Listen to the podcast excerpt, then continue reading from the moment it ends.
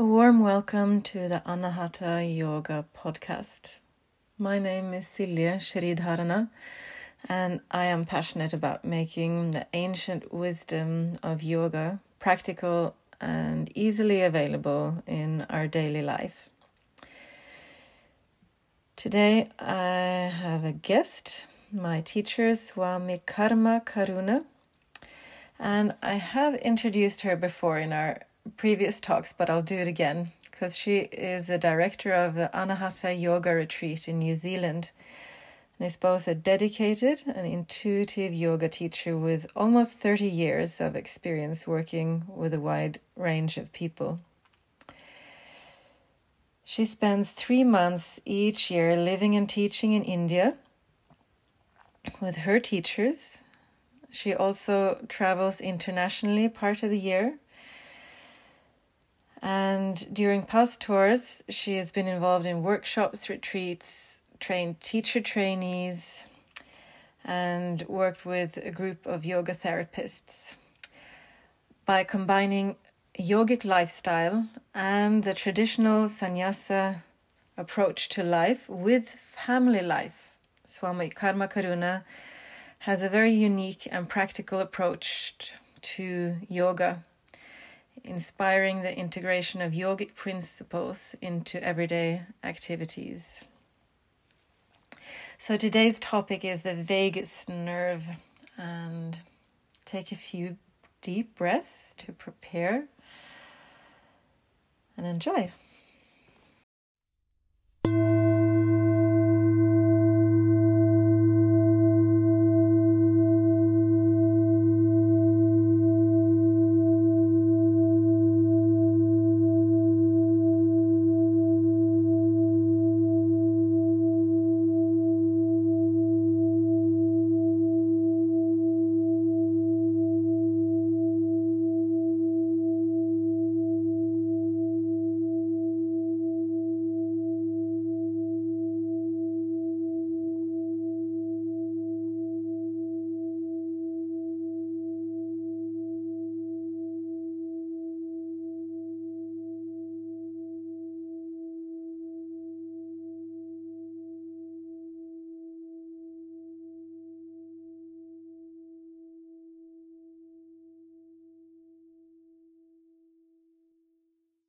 Welcome back to the Anahata Yoga podcast.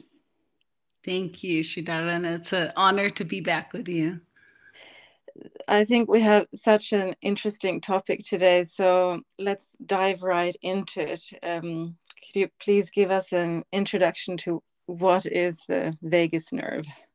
The vagus nerve has been growing in, I suppose, understanding and popularity over the last years. It was something that really I hadn't heard so much about until a few years back. And more and more, uh, there's an understanding of how important this nerve is because it's like a superhighway from the brain. It's the 10th cranial nerve and it sends information between the brain to all the different organs in the body. So um, you know through the throat the the into the whole of the chest and the lungs the diaphragm which is an important breathing organ into the abdominal organs where our digestion and elimination happens and into the pelvic area. So this important nerve based on this idea of um, the vague, vagal, uh, what is it, how do you pronounce that or, or translate that?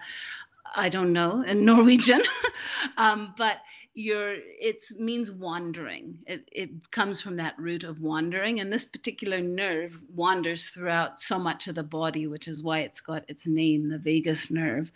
And I'm not a scientist or doctor or anything like that, so I'm just sharing with you a really basic information, but it's important because it relates to our stress response and our ability to calm down the nervous system when we've had a stress response. So the reality is is we're living in times and I, I know I've shared this in other podcasts, but we are living in times where there is a lot of external inputs which create an internal stress response. And also we've got you know, we've got toxins in the environment, we have time pressures, we have pandemics and wars, and so many concerns. So, from both the external and internal environment, there's really, uh, for majority of us, we're living in a sympathetic or more of a fight and flight type of state, and also there is a freeze response related to this idea of the nervous system um, being challenged. And so it might might express as fight and flight or it might express more as a freeze experience. And the vagus nerve is the part of our uh, system that when we get into a stress response it brings us back down into a calm. It supports us to come back to the relax and digest state. And it's not that we want to be in any one of these states, but we need to have enough flexibility in our nervous system that we're able to shift in and out of experiences.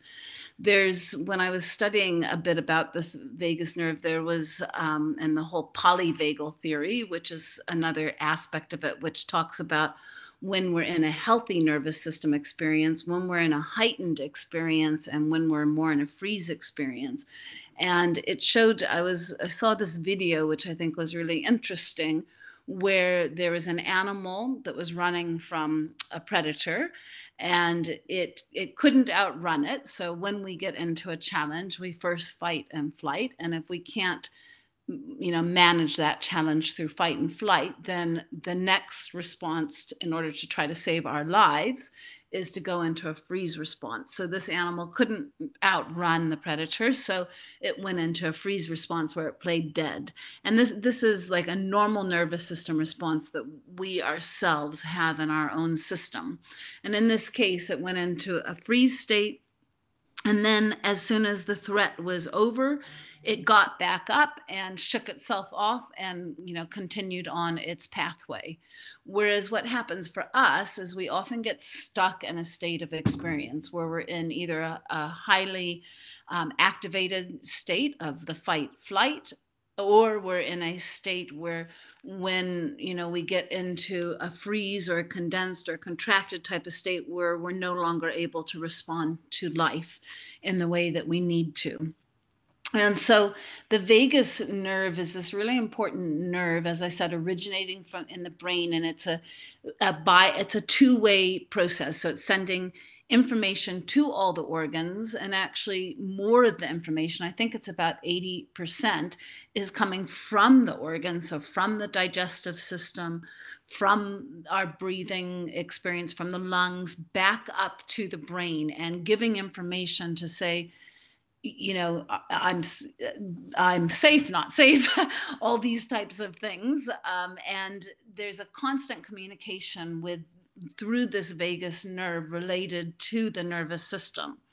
And um, what we want to do from the point of view of being more resilient in life, having more ability to face challenges but not be stuck in challenges, is we need to strengthen the vagal tone and so there are many practices actually. And so it, doesn't mean that uh, with this strengthening of the vagal tone it means that we're able to respond to challenges more quickly and we don't get stuck in any one of the states that I've been exper- uh, been sharing with you.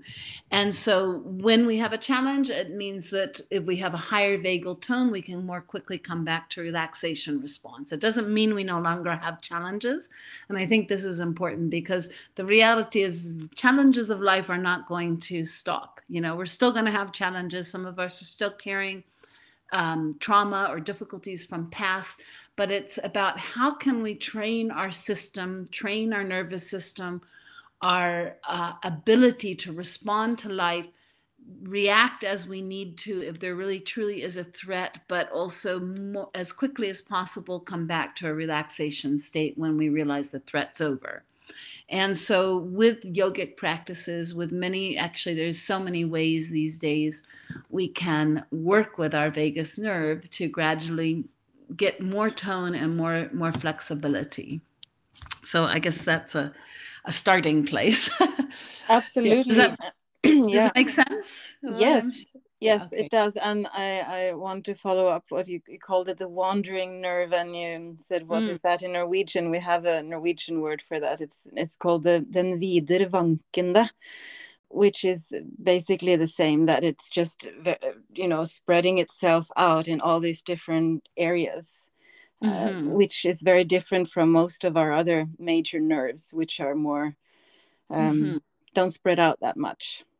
Yes, yeah. Now this is a very important one, and it, it's always it's described often like an information superhighway highway, which is carrying extensive amounts of information between like the digestive system and the organs to the brain, and from the brain back to the organs. And so basically everything we do has an influence on it you know every breath everything we eat every whether our our gut biome is in a healthy state or not.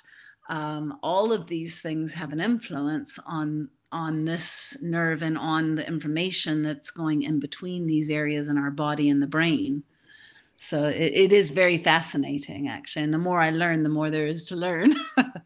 So yeah and mm. um, you know in one way it also feels almost a bit overwhelming because if it mm. affects all these areas like where to start to mm. to do something but uh, maybe yeah. you could we could continue with that like uh, what mm. what yoga techniques uh, what what things can you do in your daily life to to strengthen the vagal tone uh, there's so many things we can do. And I think one of the most easily accessible is simply the diaphragmatic breathing because this nerve goes through the diaphragm.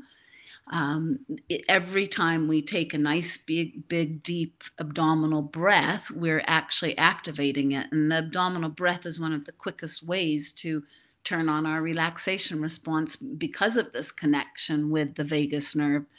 And so, um, yeah, from that point of view, even just something as simple as taking a diaphragmatic breath or taking a few diaphragmatic breaths can make a really big difference to our vagal tone, to our ability to come back to calm.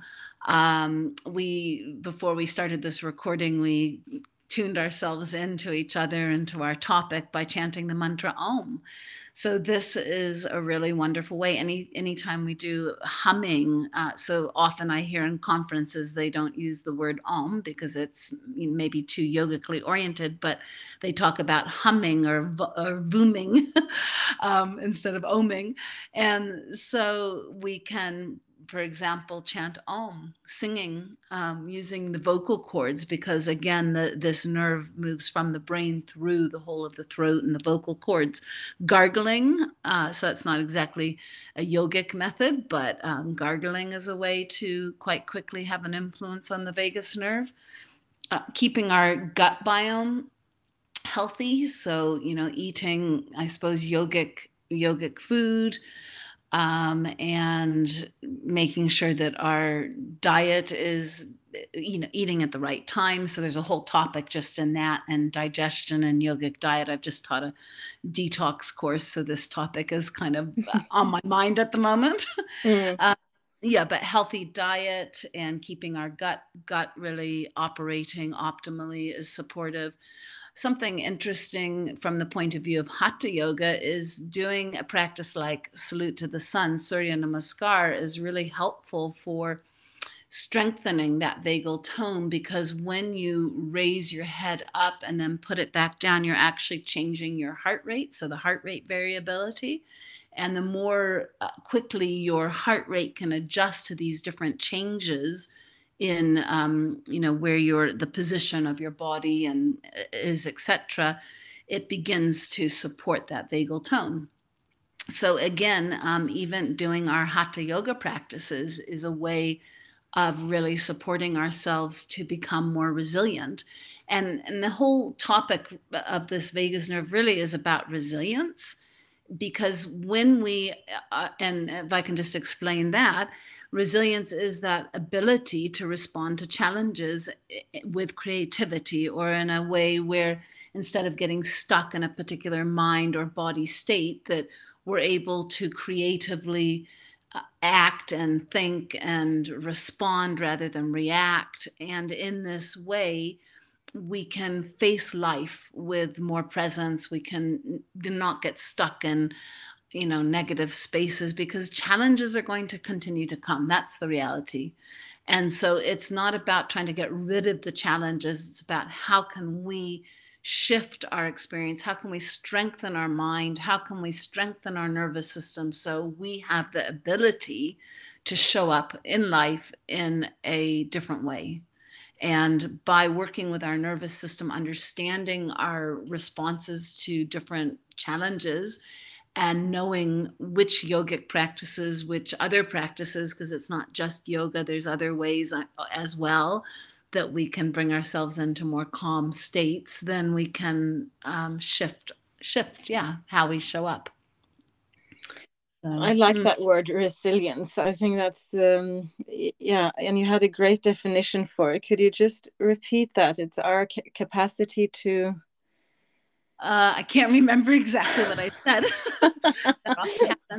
but it, it, the resilience is that you know no matter what is happening in life, whatever challenges we have, it's our ability to face the challenges of life with creativity, with um, mm, yeah. you know strength That's of it. mind, with flexibility. I think it's like it's also a flexibility. So we often talk about flexibility in our yoga practice, but we're we're talking about touching our toes, and this is about flexibility of mind and and in order to be able to have that flexibility of mind and nervous system and ability to face whatever comes with more um, you know fluidity in life then this is where that resilience comes in. Because we when we are depleted when our adrenals which are related to the stress hormones or we're having um, you know physical effects from too high of stress hormones for too long of a period like when we have cortisol which is a stress hormone for long periods of time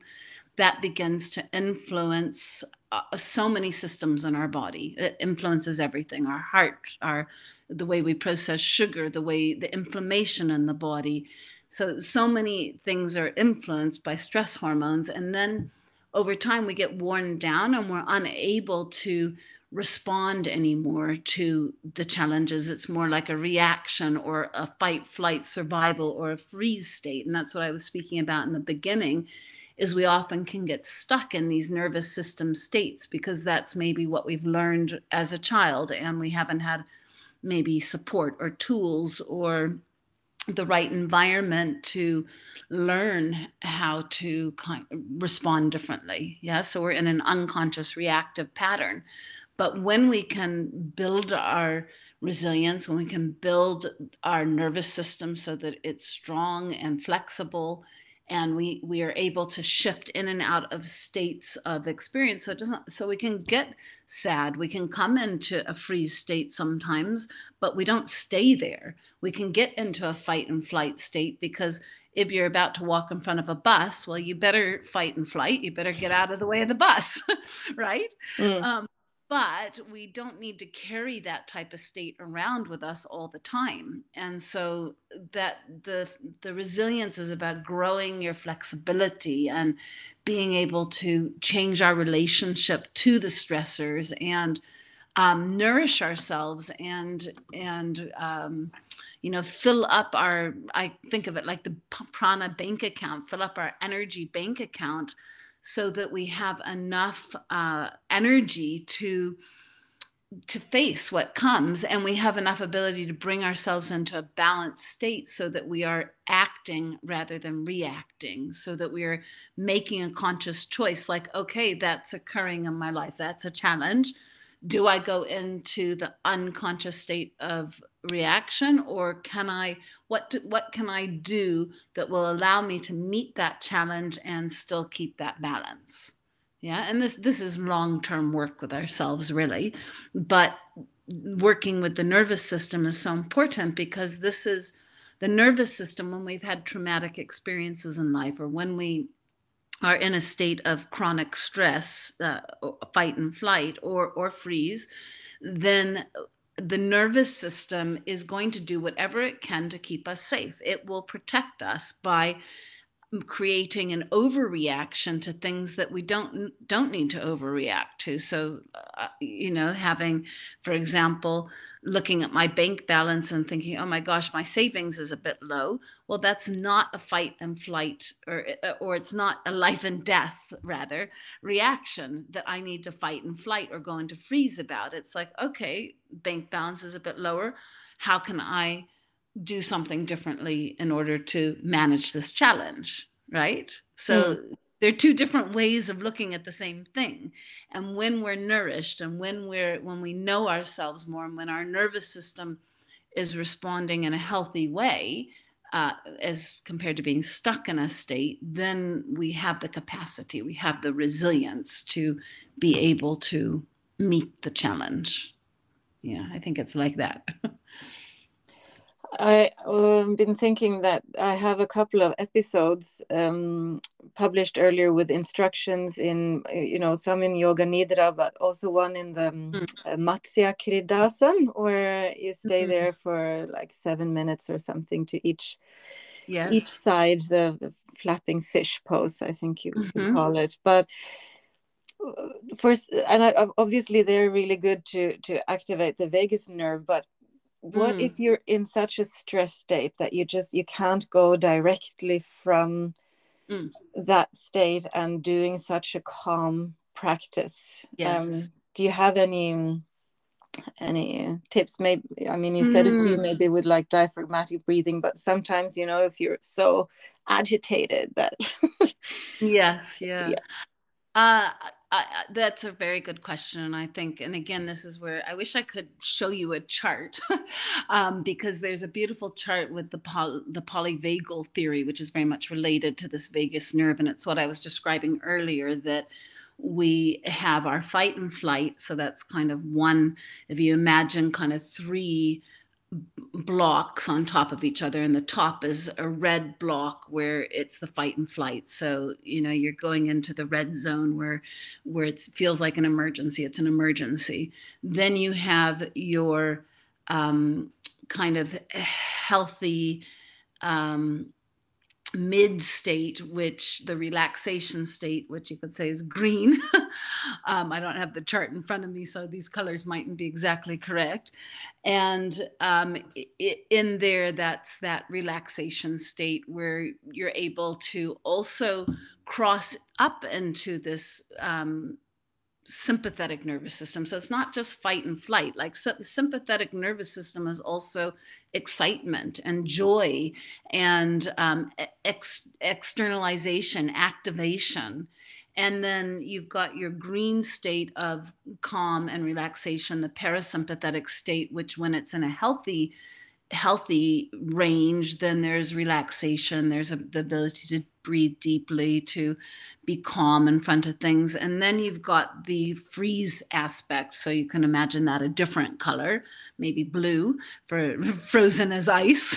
Mm. and and in that state it's like a contracted state it's sadness it's so it's still a parasympathetic state but it's a contracted parasympathetic state where you're where it's you know when particularly when we've had trauma or that type of thing that has really um and we haven't been able to fight it fight or flight out of it then the freeze is what can occur where we get um, contracted and sadness and depression and and and lack of will will for life and some of these types of qualities. And um, so in these three states it shows how there's an interaction between all of them and to sometimes to get out or to get more into that calm state. So i am getting to your question. Um, it, we can't start with calm yeah, so we can't start with the flapping fish or we can't start with the diaphragmatic breath because it's exactly as you describe. You're too heightened or too frozen, too contracted, or too overactivated to get into that um, deep breath or to stay still in a calm posture, which will be supportive for the adrenal glands and for bringing us into rest and digest. But often what I find is we need to do something activating first. So it may be something like the chopping wood practice or um, I do find that that's where sound can be quite helpful. So if somebody has a lot of um, activation or is kind of contracted, either way, I find some of the the chanting practice, the kirtan and the Bhramari pranayam, can be helpful because you're you've got an external sound and an internal experience with that sound as well as particularly in kirtan you're also doing some type of activity where you're clapping. You might even be moving the body. And so somehow we have to transition by by directing the energy. So you can think of it as energy that's either uh, overactivated and scattered or energy that's contracted somehow and we need to shift it so that it so that it's being used in a more healthy way and so sometimes it might be directing it or doing movement to activate and then come more to calm um yeah is that making yeah. That, definitely yeah. that makes sense and and i thought another you, you mentioned yogic techniques but you could maybe put on like some music and dance mm-hmm. away or yeah exactly or, or walking in nature you know that yeah. a lot of a lot of um, cities now have green belts where people are told to go walk in the green belt during lunch to just because the green color is relaxing but also the movement the rhythmic movement of something like walking or um, you know i do uh, con- outrigger canoeing here in new zealand called waka ama and for me that's an activity that that makes me breathe deeply. I'm in nature and it's like a moving meditation where i can direct any energy that's getting stuck or i can kind of calm energy that's being overactivated. And i whenever i do that i feel so much more balanced. So definitely movement uh, can be very helpful in before coming into a calming type of practice and i often do that in a yoga class when i'm teaching is i'll start with something a little bit more activating and then come more into the calm, calm, calm. Yeah. Mm. And in the end, it's more the stable, still postures where you're really concentrated on the breath and going into a deeper state. But often we need to shift the energy first through movement. And I can I very much agree with um, how you can use sound and, and mm. chanting mm. for for that. I lived in Oslo not very long, but for a while, and I remember sometimes when I got back home and I was so um, yeah stimulated by all the impressions in the middle of mm-hmm. being in a city and I couldn't do a relaxing practice. But if I started with some chanting or sang a kirtan, and then mm. I could lie down and do a relaxation afterwards, and it worked very instantaneous, like or instant, like it was effective practice. Absolutely. And that's just bringing you right back to the vagus nerve because you were using your vocal cords yeah. um, sing and to chant, which have a direct influence on the vagus nerve. And the vagus nerve is there to support that calming of the state the state of mind. So i do find that it's very powerful chanting. I it's very helpful for me for sure. Yeah. Great. Well um, i think we've covered uh, covered mm. quite a lot. Do you have anything last, uh, like a takeaway message or last few tips you want to give our listeners? Yeah, I think like anything, we we need to practice these techniques not just in the moment that we're in the stress state, but if we can regularly, if we can pick up something that we resonate with and begin again, it's about making this new brain channel because whatever we do regularly, that becomes like a little highway in our brain. And so when we get into a challenge, our first response is going to be that highway that we've used the most regularly. Yeah, that's the easiest response. So if you're if you're driving into a um, new forest and there's the roadway isn't there, before you can drive into the forest, you have to open it up and then you have to drive it many times and then you have to keep on moving through it over and over to open up the pathway. And that's the same in our own brain. So to just wait until the moment of stress or tension or difficulty in life and then start to practice and then then do you know the om chanting or the abdominal breathing it in a way it's still helpful because it has a direct influence on the vagus nerve but it won't be the first thing we choose.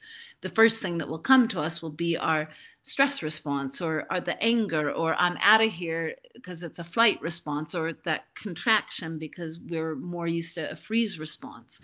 And so in order to um, you know i suppose prime the nervous system and support ourselves to grow this resi- resilience then doing mindfulness practices breathing practices a bit of the hatha yoga a little bit of the chanting on a regular basis can really support us to grow these new um, roadways in our brain so that they so it becomes easier. And that pathway will then become something that's more automatic. I had an experience just recently. I was talking to somebody here at the house before this talk tonight with you um, Sridharana, and I got a message in, and in that moment, I did a reaction. I said, "Oh, that that person said that. And then i looked at the message again and they hadn't said that at all but in in between i saw you know it was like that that kind of quick nervous system reaction but then i took a couple deep breaths and realized no they hadn't said that. And and then i said to the person i said oops reaction. And i had a laugh about it and then it was over. You know whereas in the past i might have gone into a whole loop around that message that I actually misunderstood and had a reaction about. Mm. Do you see what I'm trying to say? And yeah. so so it's about training ourselves to come to the breath, come to the sound, the mantra or you know whatever it is that we can most support ourselves with that we resonate with and doing it enough that that becomes the way we approach things rather than uh, going into the old response. Yeah, so so practice. yeah, and, and as you've mentioned before, and which I also mentioned many times in this podcast, that we that we do these practices on the mat and we practice. Mm. And then we can use it when we really need it in our daily life. It comes more easily then yeah and it's it's also about just knowing that these practices are with us all the time so we don't even need to wait to be on the mat to do diaphragmatic breathing like that's something you can do anywhere. Yeah, yeah? and and of course you're not going to go om chanting probably in the supermarket but um, there are practices that you can do regularly that that would allow you to be able to depend on that as a solid foundation that supports you. Yeah yeah, well, thank you so much for another inspiring talk. Oh, my pleasure. My pleasure. I love it. thank you so much for welcoming me. Well, it's an honor.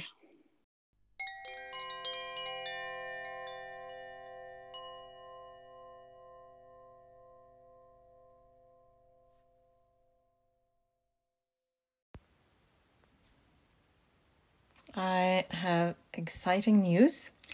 Karma Karuna will be coming to Norway this year. And we've uh, made arrangements to have a retreat in Oldedalen. Um, if you don't already know about this place, it's a spectacular area on the west coast of Norway where um, they recently built this amazing yoga hall, the Blue Mountain Hall. And from this hall, you have view of both the glacier and these amazing waterfalls. So the nature surrounding this place is spectacular. They also make great food. So, a week's retreat in September with the topic yoga, meditation, and the nature connection. We'll be sure to have very many different approaches to activating the vagus nerve on this retreat. So, I'll put a link, of course, for that in the show notes. I'll also put a link for the webpage related to the vagus nerve and also a link to Karma Karuna's webpage of the Anahata retreat in New Zealand.